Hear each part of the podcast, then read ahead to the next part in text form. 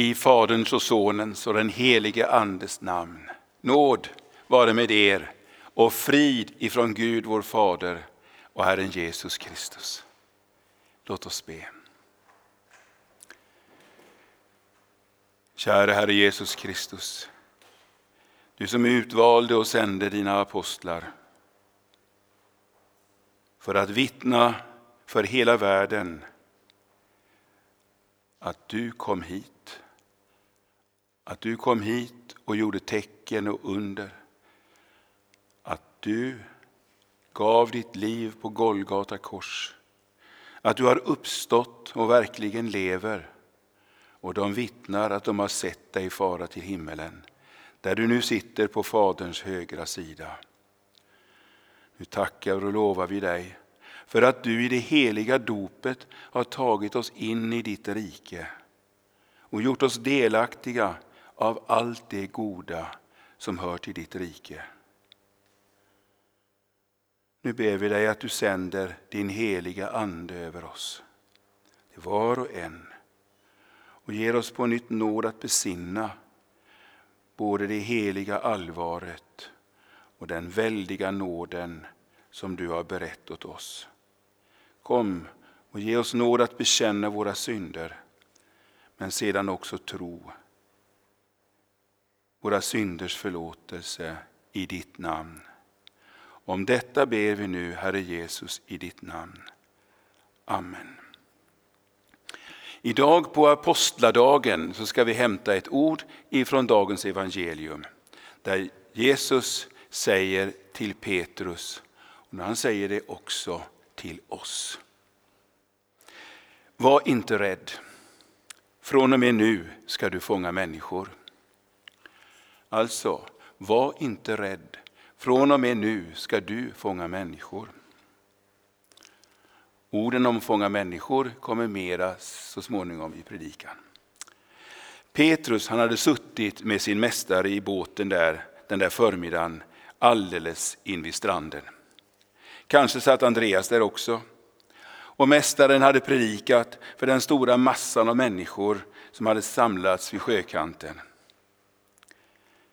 Petrus visste att det var just om honom som hans förre lärare Johannes döparen hade talat. Och ivrigt hade han säkert lyssnat för att inte missa ett endaste ord.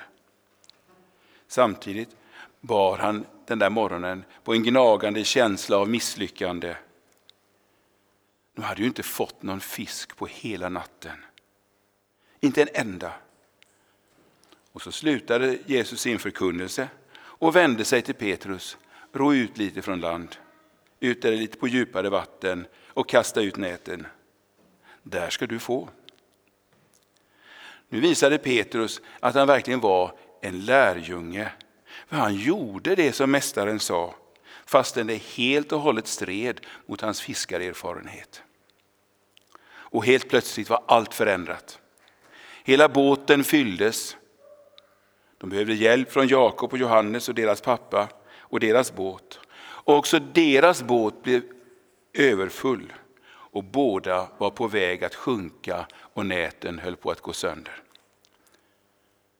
Hur kunde han hur kunde han veta att det fanns så mycket fisk där? Så måste Petrus hunnit tänka. Aldrig hade Petrus sett en sån fångst. Detta är Guds tecken. Det är Gud som är här och handlar med honom och hans kollegor. Och hela hans inre fylls av bävan och han kastade sig framför mästarens fötter. Gå bort ifrån mig, Herre, jag är en syndig människa. Det var ju väl att Jesus inte gjorde med Petrus det han faktiskt sa.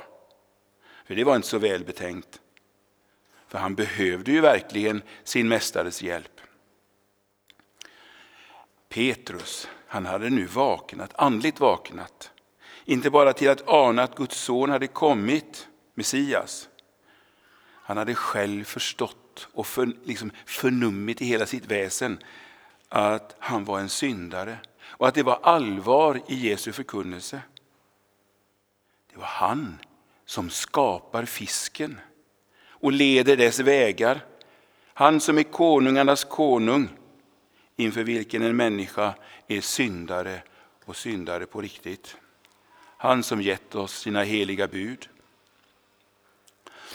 Vänner, det är ett stort under när en människa vaknar till att se sin synd i ljuset av Guds väsens närvaro. Och ser synden i ljuset av att vi, var och en, är fullt ansvariga inför Gud. Och när vi förstår att det kommer en dom och att verkligheten är att det dessutom finns två utgångar ur livet. När det på allvar går upp för en människa så brukar vi kalla det för uppväckelsen. Det är inte omvändelse, men det är förutsättningen för omvändelse, uppväckelsen. För utan att detta blir allvar för oss så har vi inte något större behov av nåd, av Guds verkliga nåd, av hans förlåtelse. Det finns en liten tänkvärd händelse i John Bunyans bok om kristens resa. I hans resa på väg till det himmelska landet. Kristen hade kommit till uttolkarens hus där han hade fått se in i olika rum. Det sista som uttolkaren visade var in i ett rum där det stod en man och klädde på sig. Men han skälvde och darrade. Och kristen frågade varför darrar han så? Så berättade den förskräckte mannen om sin dröm under natten. Hur himlen hade mörknat, det åskade och blixtrade intensivt. Och han fick höra ett genomträngande basunljud. Och då hade han också fått se en man sitta på ett moln omgiven av himlens härskaror och allt lågade i eld. Stå upp ni döda och träd fram inför domen. Och så hade mannen fått se hur, hur människor hade lämnat sina gravar, somliga jublande och lyckliga, med blicken vänd mot himlen, medan andra försökte gömma sig under klipporna. Och så berättar han om hur han har sett hur domen fälldes över var och en utifrån det som stod i boken som mannen på, på molnet hade framför sig. Medan då somliga lyftes upp och fördes av änglarna in i himlen så var det andra inför vilka det öppnades ett förskräckligt avgrundsdjup som brann. Och mannen berättade att vad som nu förskräckte honom alldeles särskilt det var att han såg sig själv kvarlämnad och att han som satt på molnet oupphörligt såg på honom. Och hans samvete vaknade och hans synder anklagade honom från alla håll. Och så berättade han för kristen att han trodde att det var domens dag som hade kommit och att han inte var redo. Ja, detta var uppväckelse. Evighetsfrågan, Guds allvar, det handlar om mig och mitt samvete anklagar. Ja, jag vet att i detta tillstånd, om inget kommer emellan så går jag förlorad. Vad sa Jesus till Petrus? Frukta inte, eller var inte rädd. Detta är Jesu avlösningsord till sin blivande apostel. Jesus lät fiskeundret ske och han visste att Petrus skulle väckas.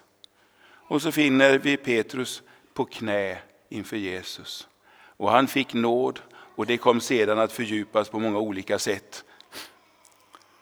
Antingen vi nu gör det fysiskt eller mera i våra hjärtan så är det där på knä inför Jesus som vi får nåd. Ingen annanstans. Bed och ni ska få, sa Jesus. Vi får aldrig tänka att nåden är någonting som jag självklart har. Nej, Jesu kärlek och Jesu förlåtelse.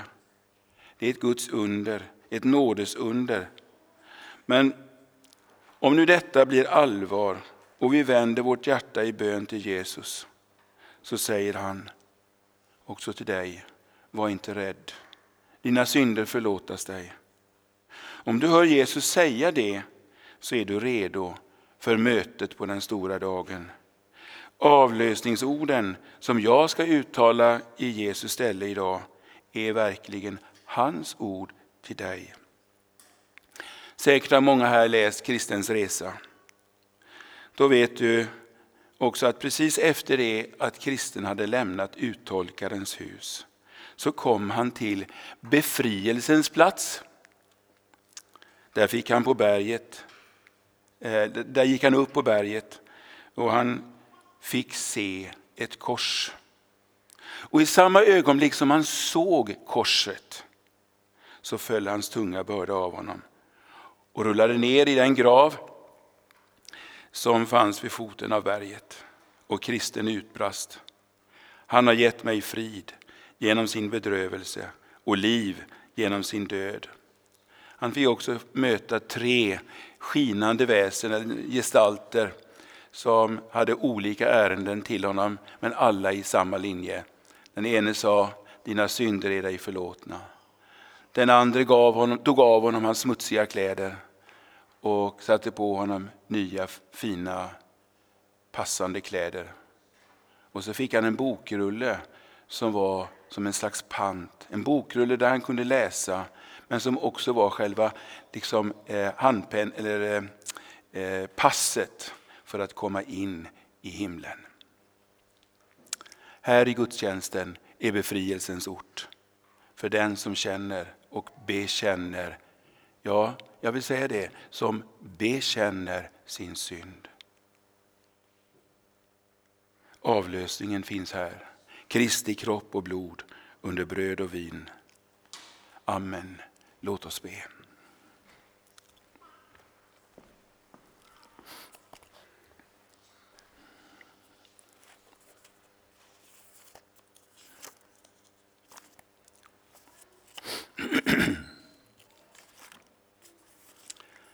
Jag bekänner inför dig, helige Gud, att jag ofta och på många sätt har syndat med tankar, ord och gärningar. Tänk på mig i barmhärtighet och förlåt mig för Jesu Kristi skull vad jag har brutit. Herre, hör nu varje hjärtas tysta bekännelse.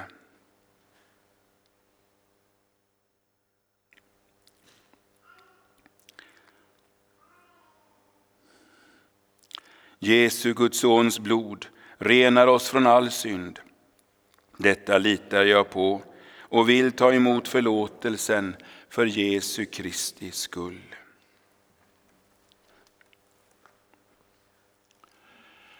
Begär du dina synders förlåtelse för Jesu Kristi skull, så är det också i kraft av Guds ord och löfte fast och visst att Gud av nåd förlåter dig alla synder. Och denna dina synders förlåtelse tillsäger jag dig på vår Herres Jesu Kristi befallning i Faderns och Sonens och den helige Andes namn. Amen. Käre Fader i himmelen, vi tackar dig för syndernas förlåtelse genom Jesus Kristus, vår Herre. Amen. Upplyft era hjärtan till Gud och hör dagens heliga evangelium.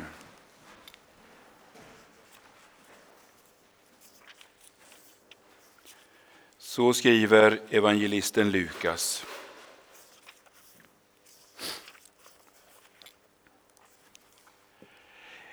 En gång när Jesus stod vid sjön Genesaret och folket trängde sig in på honom för att höra Guds ord fick han se två båtar ligga vid stranden.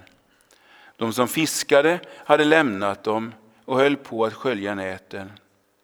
Jesus steg då i en av båtarna, den som tillhörde Simon, och bad honom lägga ut lite från land. Sen satte han sig ner och undervisade folket från båten. När han hade slutat att tala sa han till Simon, far ut på djupt vatten och lägg ut era nät till fångst. Simon svarade, Mästare, vi har arbetat hela natten och inte fått något. Men på din befallning vill jag lägga ut näten. De gjorde så och fångade en så stor mängd fisk att näten höll på att gå sönder. Då vinkade de åt sina kamrater i den andra båten att komma och hjälpa dem. Och de kom och fyllde båda båtarna så att de var nära att sjunka. När Simon Petrus såg det föll han ner för Jesus och sa, Gå bort ifrån mig, Herre, jag är en syndig människa. Ty han och alla som var med honom hade tagits med, slagits med häpnad över den fångst de hade fått. Också Jakob och Johannes, Sebedeus söner, som fiskade i lag med Simon. Men Jesus sa till Simon, frukta inte. Härefter ska du fånga människor. Och de drog upp båtarna på land, lämnade allt och följde honom. Så lyder det heliga evangeliet.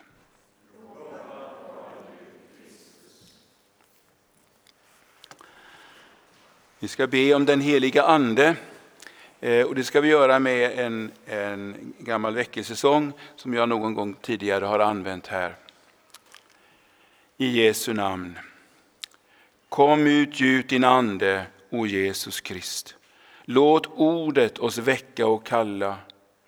I världen så många sin tro har mist, du ensam kan rädda oss alla. Vi ber dig om bättringens sinnelag, blott du kan oss rena och tukta. Kom hjälp oss av nåd att vi varje dag må högmod och säkerhet frukta. Du ser hur den onde med andlig död vill staden och landet föröda. Kom Herre och giv oss din nåd, ditt stöd och liv åt de andligen döda. Du väckelsens eldar har tänt en gång. Vårt folk såg välsignelsens tider. Ur samvetets nöd föddes bot med sång. Man prisade frälsarens strider. Den elden nu tänd i vårt eget bröst.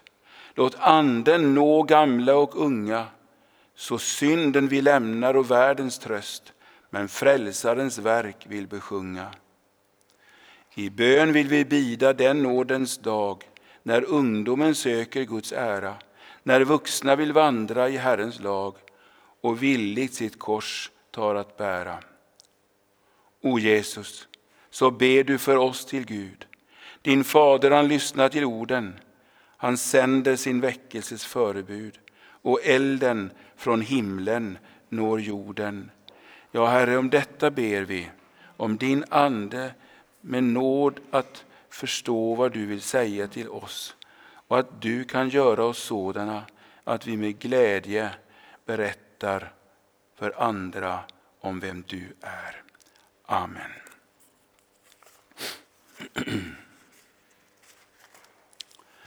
Det står ett fantastiskt ord i profeten Jesajas bok i det 52 kapitlet. Där står det så här. Hur ljuvliga är inte glädjebudbärarens steg när han kommer över bergen och förkunnar frid och bär fram goda nyheter och förkunnar frälsning och säger till Sion, din Gud är konung. Tänk dig att du ligger på sjukhus och har nyligen opererats för en besvärlig tumör och du vet inte hur det egentligen har gått. Om tumören var malign, om det var på väg mot metastaser och du ligger där och undrar om du faktiskt ska dö. Men så kommer den läkaren in som var den ansvarige kirurgen. Han har ett leende på läpparna och berättar att han nu fått provsvar och hur det hela ser ut. Ja, det har gått mycket bättre än vi vågade hoppas, sa han. Och tumören är tämligen godartad och du kommer att bli frisk igen. Här var läkaren en glädjebudbärare. Tänk dig en helt annan sak. Tänk dig att du har en fyraårig pojke som leker tillsammans med sina kamrater nära skogen. Och så händer det som bara inte får hända. Pojken försvinner in i skogen. Och när mamma kommer för att hämta pojkarna där de lekt i skogskanten så finner hon bara sin pojkes kamrater. Vi vet inte var han är. Mamma rusar in mot skogen, ringer pappa med mobilen.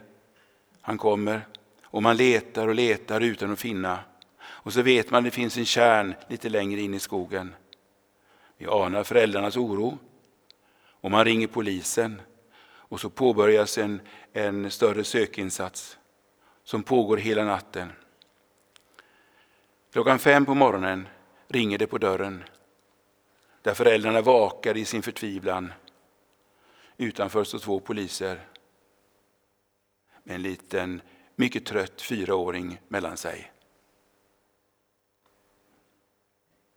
Vilka glädjebudbärare poliserna var. Några mycket sorgsna kvinnor var en tidig söndagsmorgon på väg ut till en klippgrav. Det fullständigt ofattbara hade hänt. De andliga ledarna hade låtit avrätta deras mästare.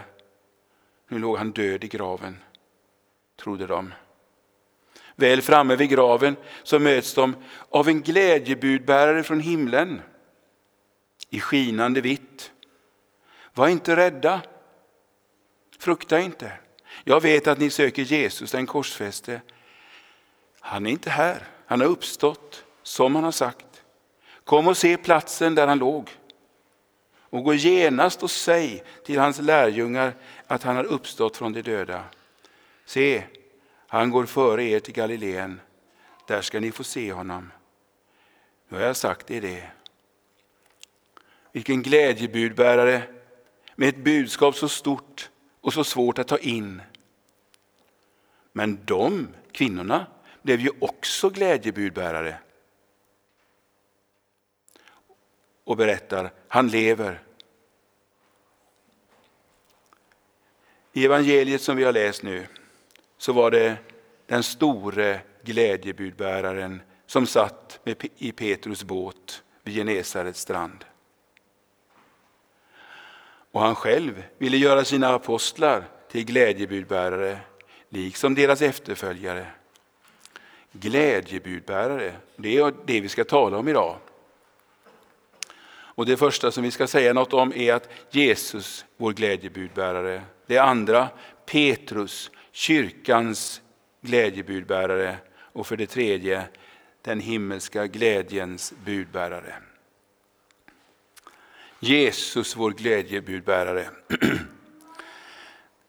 Där hade Jesus kommit ner från Nasaret ner till Kapernaum. Det var verkligen som Jesaja sa, han hade kommit över bergen. Hans barndomsstad Nasaret låg högt upp i bergen, 700 meter högre, fast det bara var några mil dit bort. Så var det 700 meter högre upp och där, eh, så nu där nere så satt Jesus i Petrus båt. Och människorna i städerna runt omkring Kapernaum hade hört talas om den märkliga profeten från den föraktade lilla hålan Nasaret. Men det var så underligt. Han, han umgicks med, med vem som helst som ville vara med honom. De föraktade, de misslyckade. Hans vänlighet och hans stilla auktoritet gjorde intryck. Hans godhet och sen hans förmåga att bota sjuka.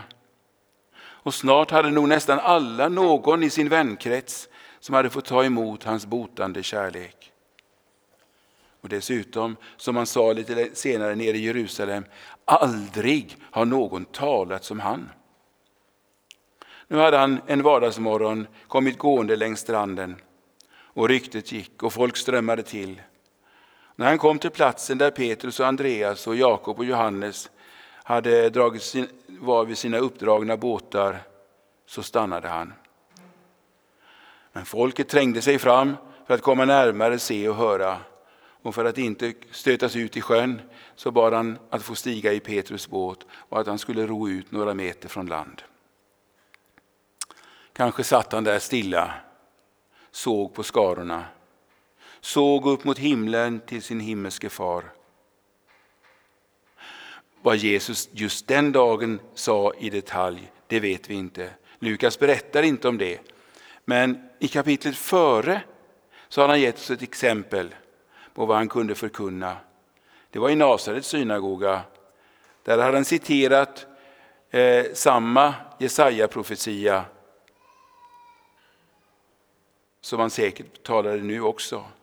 Han sa säkert någonting åt det här hållet. Det som står där i Jesaja eh, 61. Herrens ande är över mig, för han har smort mig till att förkunna glädjens budskap för de fattiga. Han har sänt mig till att utropa frihet för de fångna och syn för de blinda och ge de förtryckta frihet och förkunna ett nådens år från Herren. Säkert har de fått höra, höra om riket som nu kommer, om syndernas förlåtelse, om uppståndelse och evigt liv. Men frågan om synderna i det egna livet har säkert också blivit obehagligt närgångna så som det visar sig inte minst hos Petrus. Och Det är som att man inte kunde komma undan. Men han är en glädjebudbärare. Och man förstår att här kommer något nytt. Det är också något nytt på ett visst sätt jämfört med Johannes döparen som alla hade hört talas om och många varit nere och hört och varit också hans lärjungar. Men, ändå hörde, men de två hörde ändå samman på något sätt. Jesus såg på folkskarorna så som han ser ut över vårt land. Här gäller samma sak som det som Matteus skriver om ett annat tillfälle. Att när Jesus såg folkskarorna så förbarmade han sig över dem, för de var härjade och hjälplösa som får utan herde. Och han sa till sina lärjungar, skörden är stor men arbetarna är få. Be därför skördens Herre att han skickar ut arbetare till sin skörd. Jesus såg säkert inom sig de stora skarorna ute i världen. I Europa, långt fram i tiden, upp i Norden, fram på 2000-talet. Men han såg säkert också framför sig det som skulle bli resultatet. Den stora vitklädda himmelska skaran som ingen människa kunde räkna. Men han visste, eh, han visste att det inte var han själv personligen som skulle komma som glädjebudbärare till de många. Det skulle behövas många glädjebudbärare. Men för att det skulle kunna bli ett verkligt glädjebud att komma med, det visste han, så hade han en tung väg framför sig. Korsets väg, vägen till Golgata. Men de skulle få ett förunderligt budskap, ett glädjebud med mycket goda nyheter om syndernas förlåtelse, om upprättelse, om uppståndelse och evigt liv. Eh, Eh, låt oss nu se lite närmare på hur dessa goda nyheter också når in hos Petrus och hur han får, eller några, några glimtar av hur Petrus får uppdraget att leda det stora glädjeuppdraget. Eh, alltså Petrus, kyrkans glädjebudbärare. Men låt mig inleda det med en psalm för präster som fanns med i den gamla psalmboken från 1937. En, bön, en bönesalm som egentligen är för präster, men den säger mycket. O gode herde, du som gav ditt liv för fåren. Du ger dem kraft ännu ut ur de helga såren. Ännu du håller vakt omkring din klena jord med samma gudomsmakt och samma nådens ord. Jag är bland dina får, dock haver du mig kallat till herdesysslans vår och vården mig befallat om din dyrköpta jord. Ack Herre, hur skall en mask på denna jord förrätta så högt kall? Det första och det mest avgörande för den som ska vara en glädjebudbärare. En herde, eller först en apostel och en herde, en förkunnare i Guds församling. Det är att han själv är en lärjunge som lärt känna glädjebudskapet och i sitt hjärta fått smaka evangeliets ljuvlighet. Petrus han skulle stå i spetsen för sina medapostlar och han var under sin levnad kyrkans självklara ledare med mandat av Jesus själv. När Jesus satt där med honom i båten så hade Jesus redan utsett honom till detta. Men ännu kände inte Petrus evangeliets kraft. Han hade för övrigt mycket han först måste gå igenom. Petrus hade tidigare funnits med bland dem som samlades ner hos Johannes döparen, liksom hans bror Andreas. För det var Andreas som hade hört döparen säga, se Guds lamm som tar bort världens synd. Den kvällen visste Andreas att Messias hade kommit. Och det kunde han inte låta bli att berätta för sin bror. Och han tog honom med till Jesus. Och redan där och då, alltså den nästa dag, så hade Jesus sett på Petrus och sagt Du är Simon, Johannes son, du ska heta Kefas. Det betyder Petrus eller klippa. När så, Pet, förlåt, när så Jesus drog upp till Galileen efter en, en fortsatt tid både i öknen och i Judeen så tycks Petrus ha följt med upp till, tillbaka till Kapernaum där han hade hustru och svärmor. Och Markus berättar att svärmodern låg sjuk och att Jesus hade botat henne. En höjdpunkt sedan i Petrus vandring med Jesus var dagarna uppe vid Caesarea Filippi där Petrus högtidligt på lärjungarnas vägnar bekände Du är Messias, den levande Gudens son. Vid ett annat tillfälle så bekände Petrus Herre, till vem skulle vi gå? Du har det eviga livets ord. Men eh, innan lärjungen Petrus var färdig för sitt uppdrag som apostel måste han ner i dödsriket andligt talat. Hans tro på sig själv, sin förmåga, den måste dö. Ni kommer ihåg när han gick ut från översteprästens gård. Då jublade han inte. Nu grät han över sin synd. Det står till och med att han grät bittert över sin förnekelse.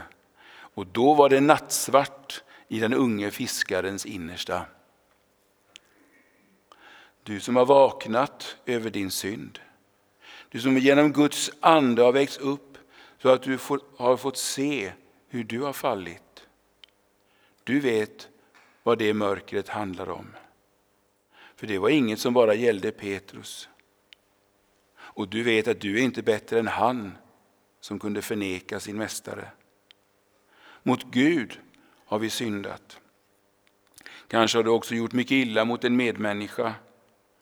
Och du måste bekänna, jag har syndat, jag har fallit.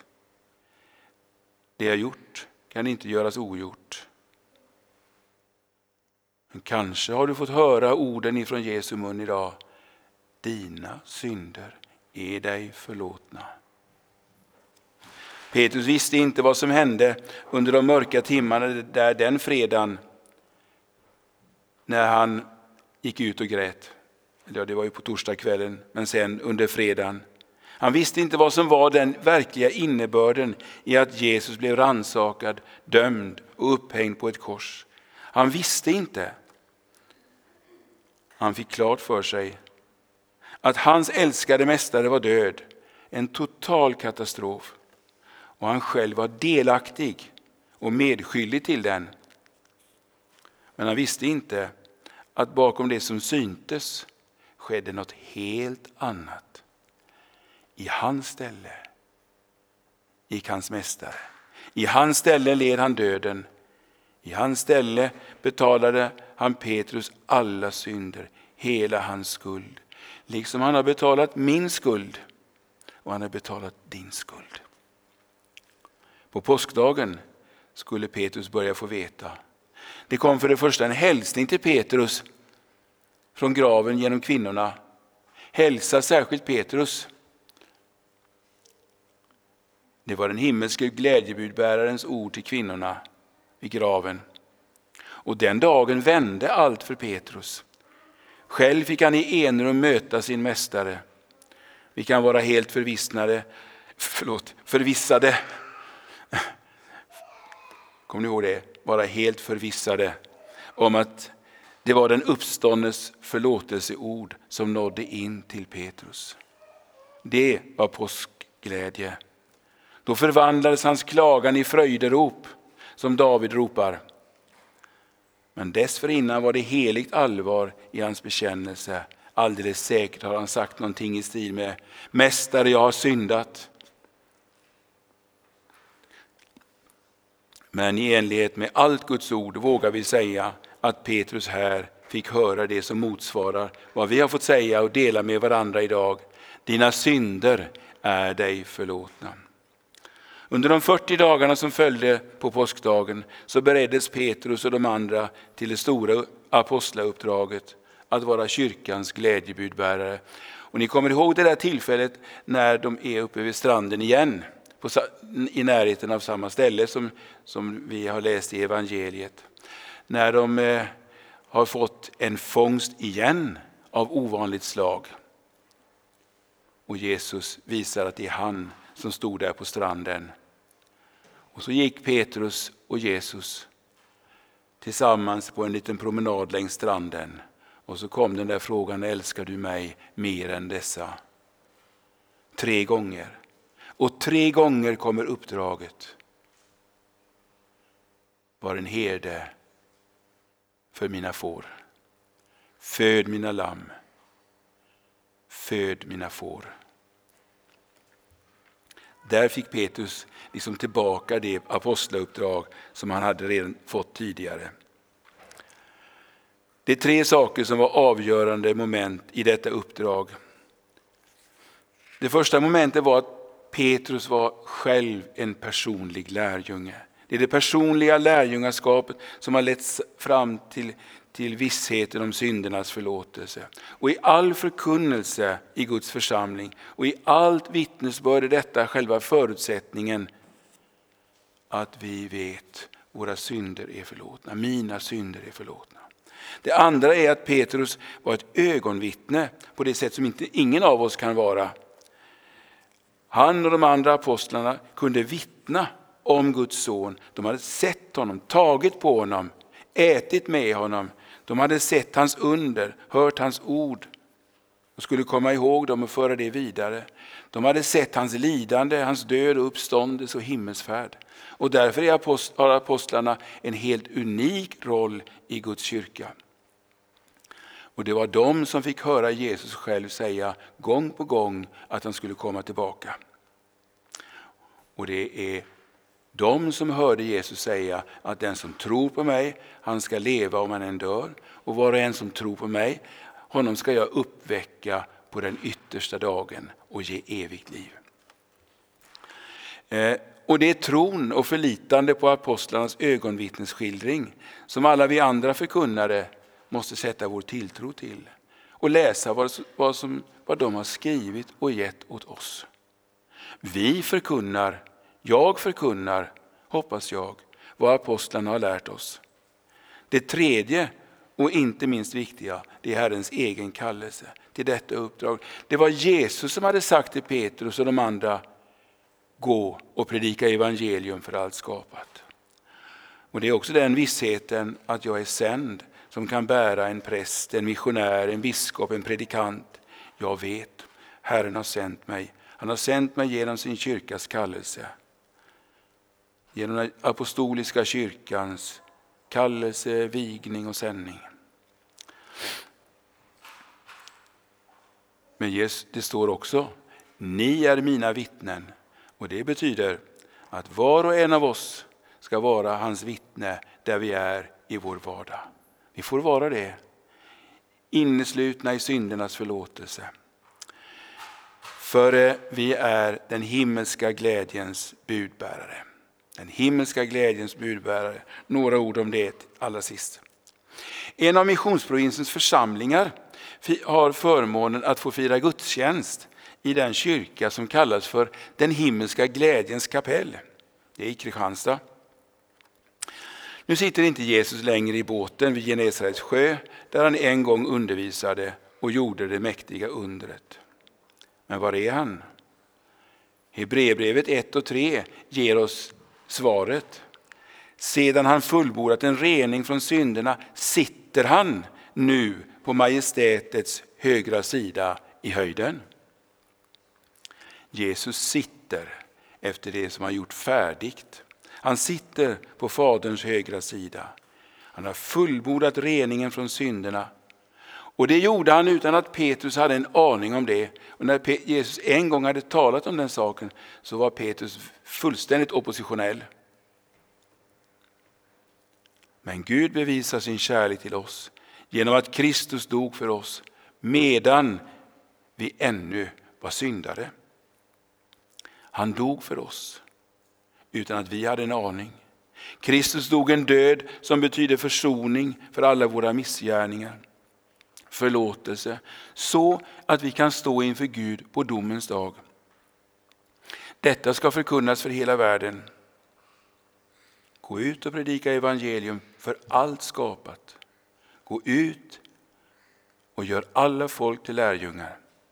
Detta sa han till sina lärjungar efter sin uppståndelse. Men att han inte bara menade de tolv apostlarna, det var ju underförstått.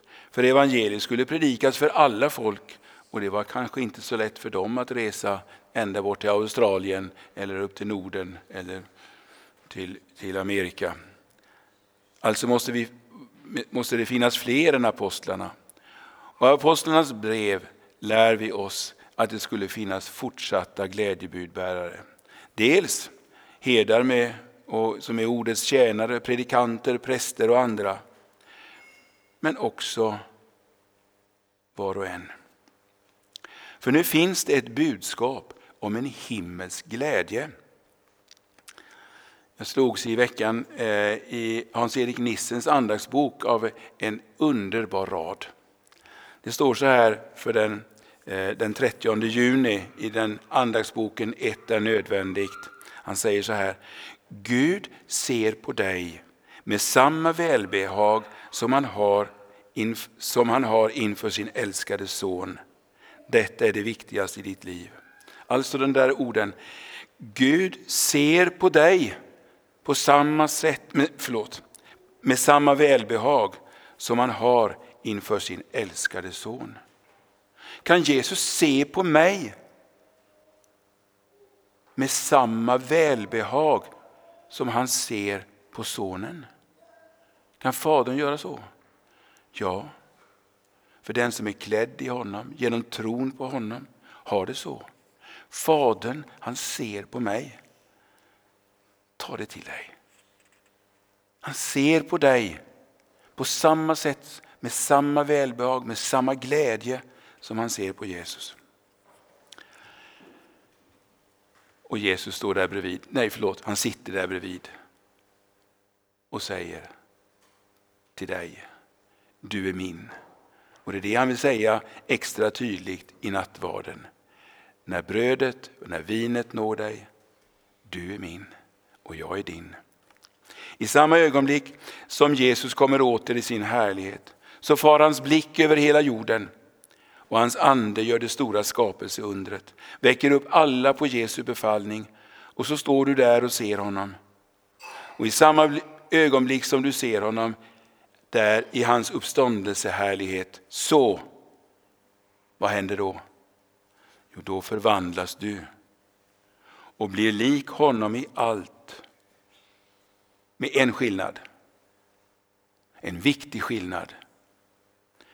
Han har sår i händerna och på kroppen. Det kommer inte du att ha. För han är Guds slaktade lamm. Låt oss nu bara ett ögonblick förflytta oss tillbaka till båten vid Genesarets sjö, till Jesus och Petrus. Petrus skulle ut på djupt vatten med sin båt. Han tog sin mästare på orden, fastän han visste att detta var rakt emot erfarenheten och kastade ut näten och fångsten blev helt överväldigande. Och måste kalla på hjälp från Jakobs och Johannes båt. Och båt, båda båtarna blev så fulla att de var på väg att sjunka. Vad säger oss detta tecken? Jo, för det första, det var ett himmelskt bevis eller ett understrykande av Jesu, Guds sons undervisning. Det var så att säga himlens sanktion, en bekräftelse på att här talar Guds son. Han som mitt ibland oss också idag har sagt dina synder är förlåtna. Och för det andra så var det ett löfte om att när Petrus och de andra följer Jesus och går ut i tjänsten som han kallar dem till, så ska, så ska han, Guds son, sörja för att de ska få allt vad de behöver för sitt jordiska uppehälle. För tänk vad mycket pengar extra de kunde få där, den där eh, eftermiddagen när de gick och sålde all fisken. Och till sist så var det ett löfte om att det fiske som nu Jesus kallade till skulle ge en mycket stor fångst. Pingstdagens stora händelse var handpenningen på att det skulle bli en mycket stor skara. Ni minns när de 3000 blev, omvändes och, och, och, och blev döpta. Och så skulle det bli en så stor skara att Johannes när han såg den från Patmos inte kunde räkna den. Och på det sättet går också eh, Guds löfte till Abraham i uppfyllelse. Löftet som vi läste om idag i den gammaltestamentliga texten. I dig, säger Herren till Abraham, i dig ska jordens alla släkter bli välsignade. Och lite längre fram så säger Herren, se upp mot himlen och räkna stjärnorna, om du kan räkna dem. Och han sa till honom, så ska din avkomma bli.